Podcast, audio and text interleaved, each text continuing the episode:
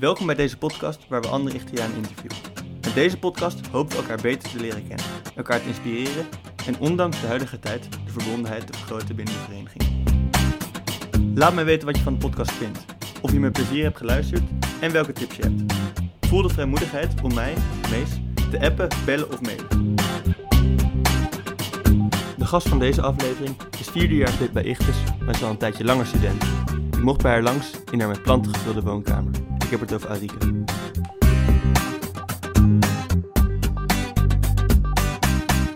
Hoe is het? Staat hij nou aan? Het staat aan. Oké, nice. Ja, goed. Ehm gaat wel goed met mij. Ja, ik heb net ehm, mijn stage afgerond een paar weken geleden. Ik heb een half jaar stage gelopen in de thuiszorg. En eh, dat was heel leuk. En nu heb ik dat afgerond. Toen heb ik twee weken meivakantie gehad. Best wel lang. Alleen, eh, ik kon helemaal niks doen, want alles was dicht. ja. Maar ik heb gewoon, ik denk volgens mij heb ik gewoon de complete serie bijna helemaal afgekeken. En dat was wel leuk. nice. Ja, en daarna, ja, nu ben ik weer net een week begonnen met school. En eh, er is nog niet zo heel veel te doen, dus Ja. Chill. ja, chill. Welk jaar van je studie zit je? Ik zit in het derde jaar nu. En dat is dan verpleegkunde. Ja, verpleegkunde. Bevalt dat? Ja. Ja, het is echt heel leuk. Ja. Wat zit daarin dat, dat zo goed bij je past? Eh, nou, dat is gewoon. De stages zijn vooral heel leuk. En eh, ook de lessen trouwens ook wel.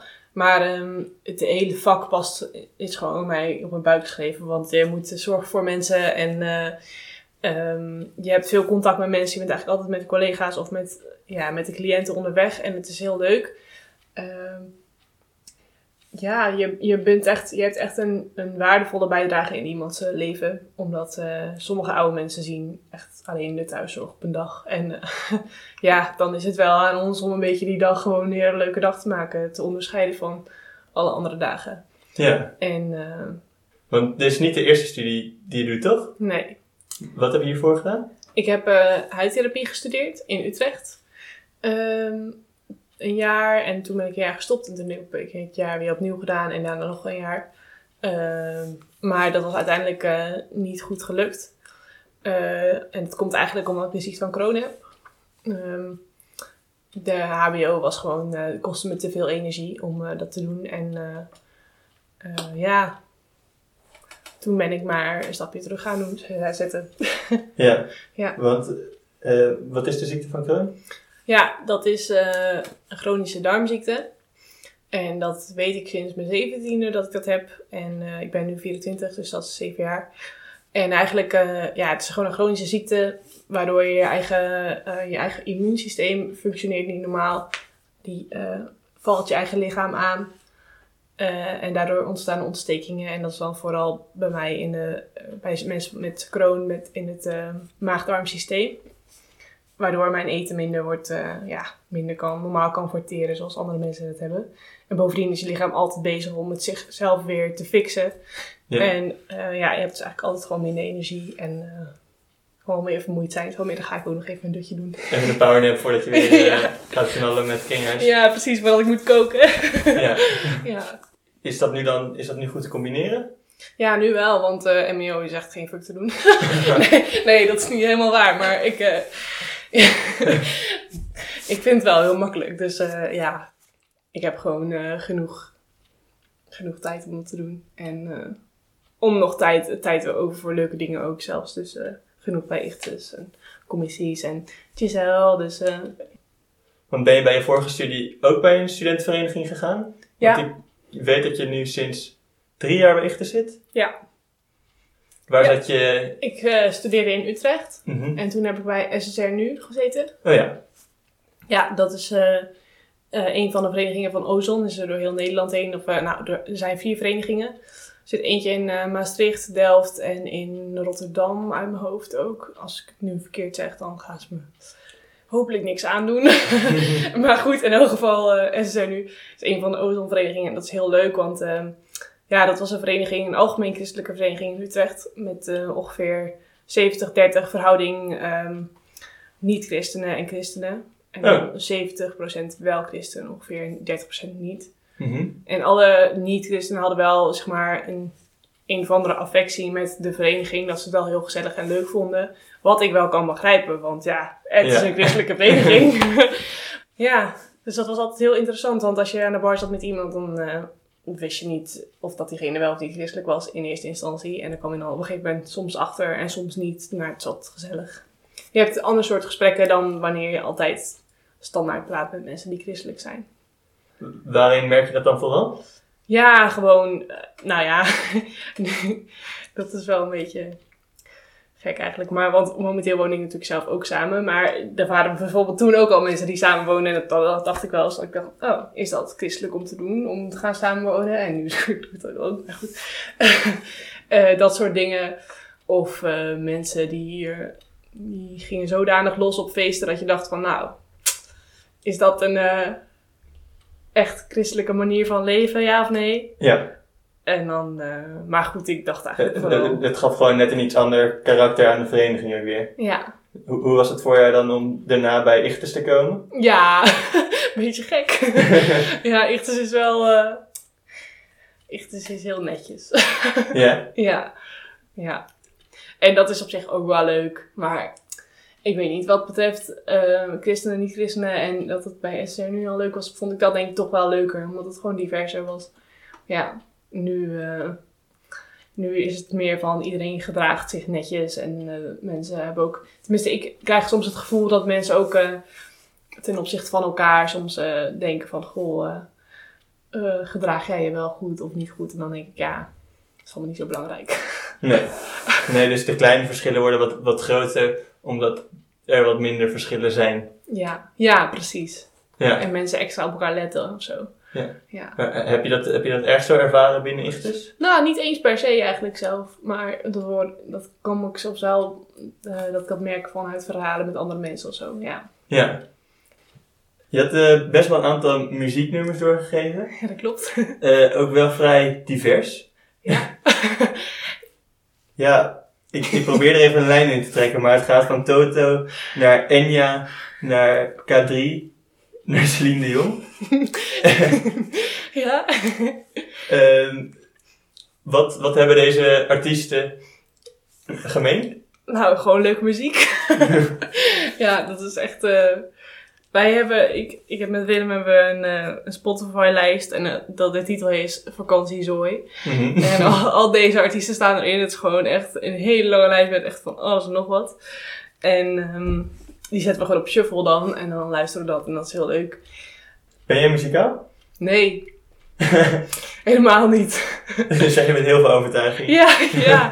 ja weet je, wat, dat, de grap is, zeg maar, eh, toen ik op de basisschool zat, en waren er allemaal kinderen om me heen, die gingen dan eh, een muziekinstrument mochten ze gaan doen, gaan, gaan leren.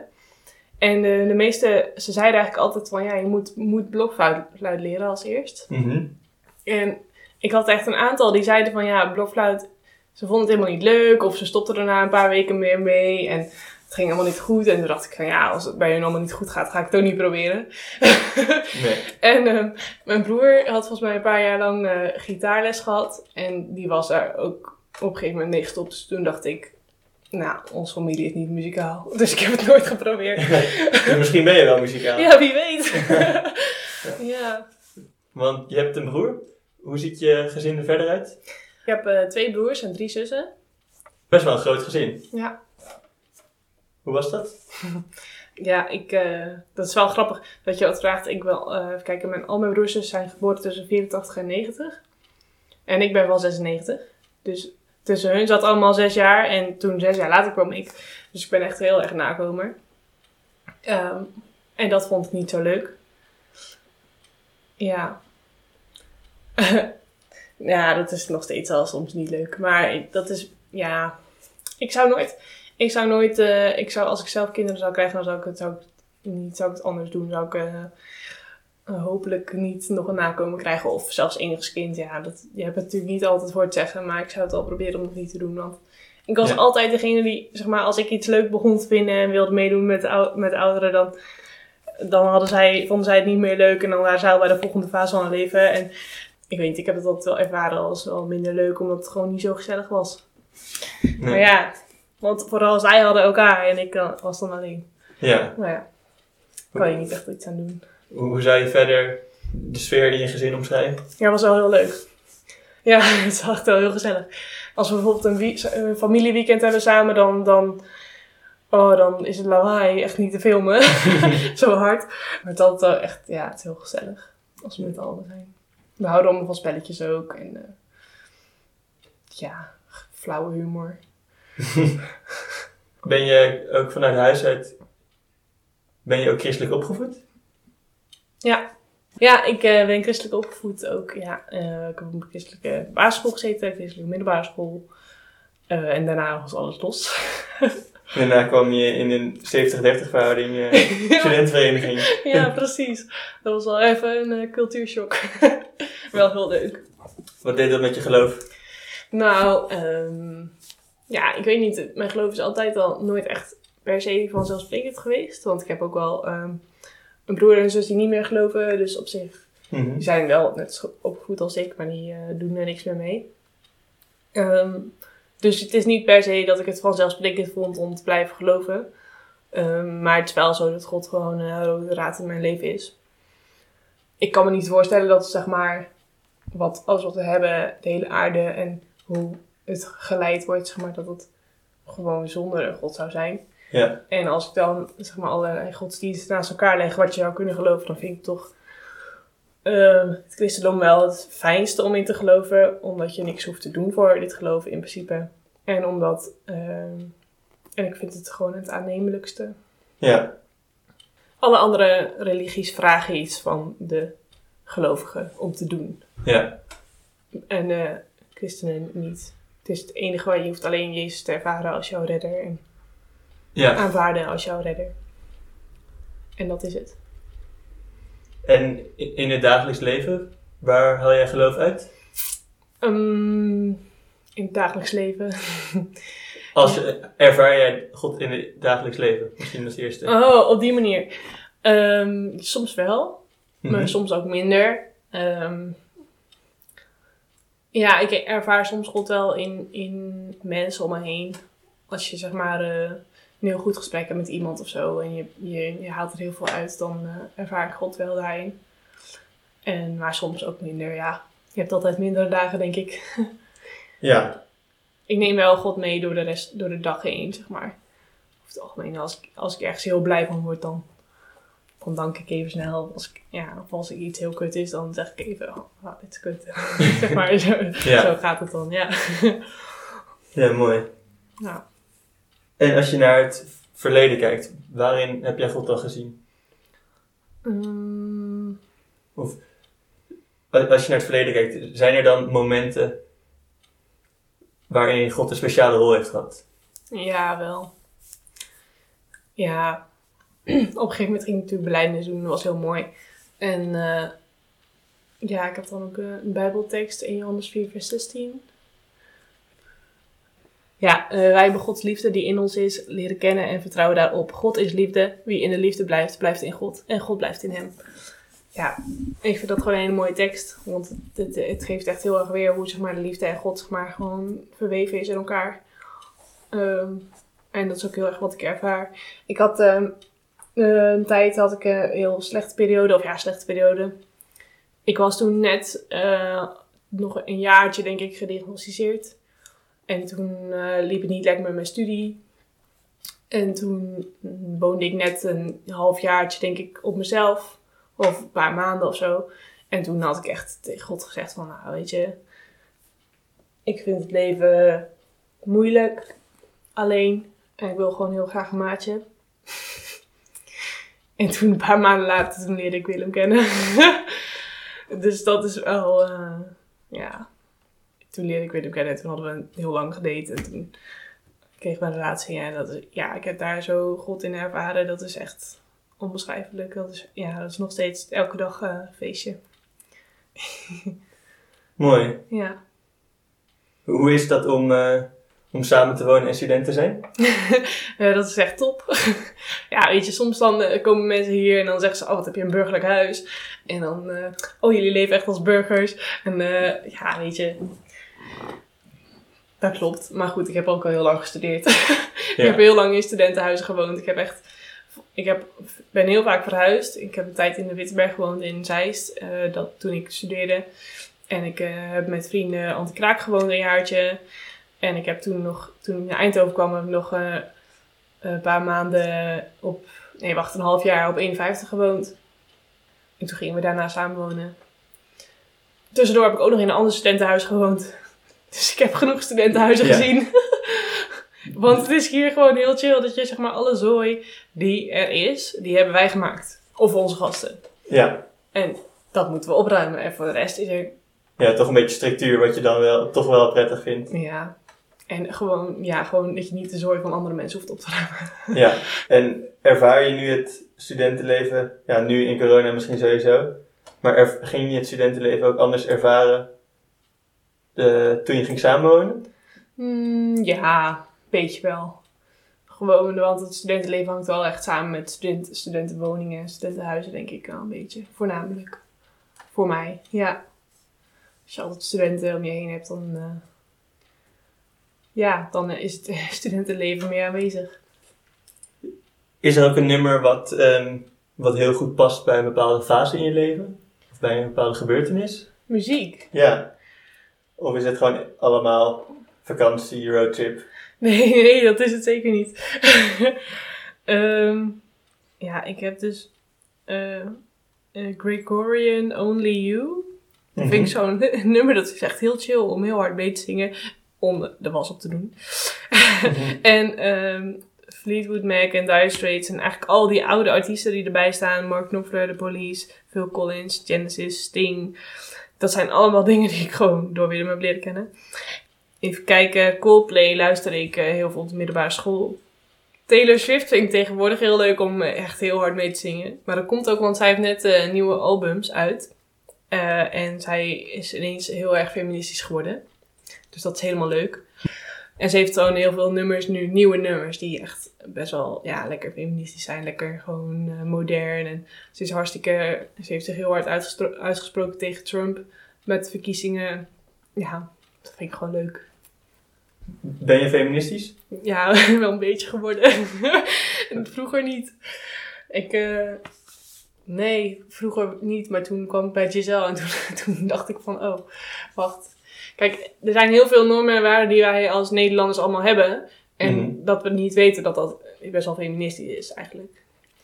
Dus ehm, dat ik het normaal vind dat wanneer ik in een club ben, dat mensen niet ehm, zomaar op mijn billen mogen slaan. Dat is best wel, dat is gewoon iets feministisch om te zeggen.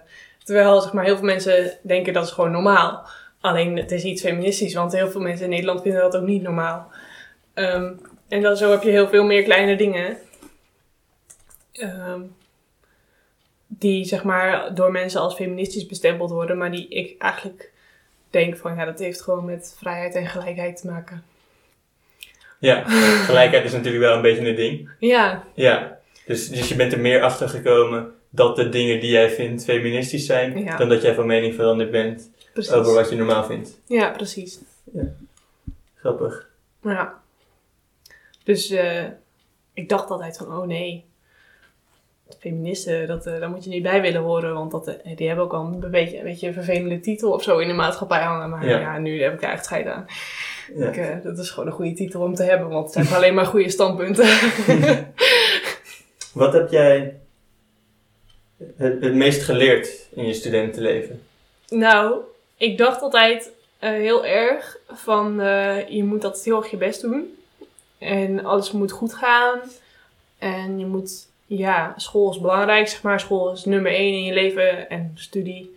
Want dat bepaalt later hoe je je leven kan gaan inrichten, zeg maar. Toen ik dus met huidtherapie bezig was en toen was mijn leven echt alleen maar studie. En dat ging toen helemaal niet lekker. En ik ben ook een tijdje depressief geweest zelfs, want het ging echt niet goed. En toen zei de psycholoog op een gegeven moment zei tegen mij van, ja, weet je... Want ik had altijd, tot, tot, tot dan toe had ik altijd het gevoel dat ik altijd dingen moest. Moet dit doen, je moet zus doen, je moet zo, zo doen. Van alles moest ik altijd maar. Ehm, alleen toen zei zij op een gegeven moment van, ja, weet je, je doet een opleiding. En die opleiding doe je omdat je dat wil doen. En daarvoor moet je dingen doen. Omdat je dat wil doen, moet je die dingen doen. Dus zeg maar, had ik eh, meer in mijn hoofd zitten daardoor van, oké, de dingen die ik moet doen, dat zijn niet dingen die ik moet doen. Dat zijn dingen die ik wil doen. Omdat ik wil studeren. Ik wil graag deze opleiding behalen. Ik wil graag dat werk kunnen doen later. En uh, ik wil graag deze hobby uitvoeren. Dus ik moet niet gaan sporten. Nee, ik wil graag deze hobby uitvoeren. Dat is een heel andere insteek. Ja.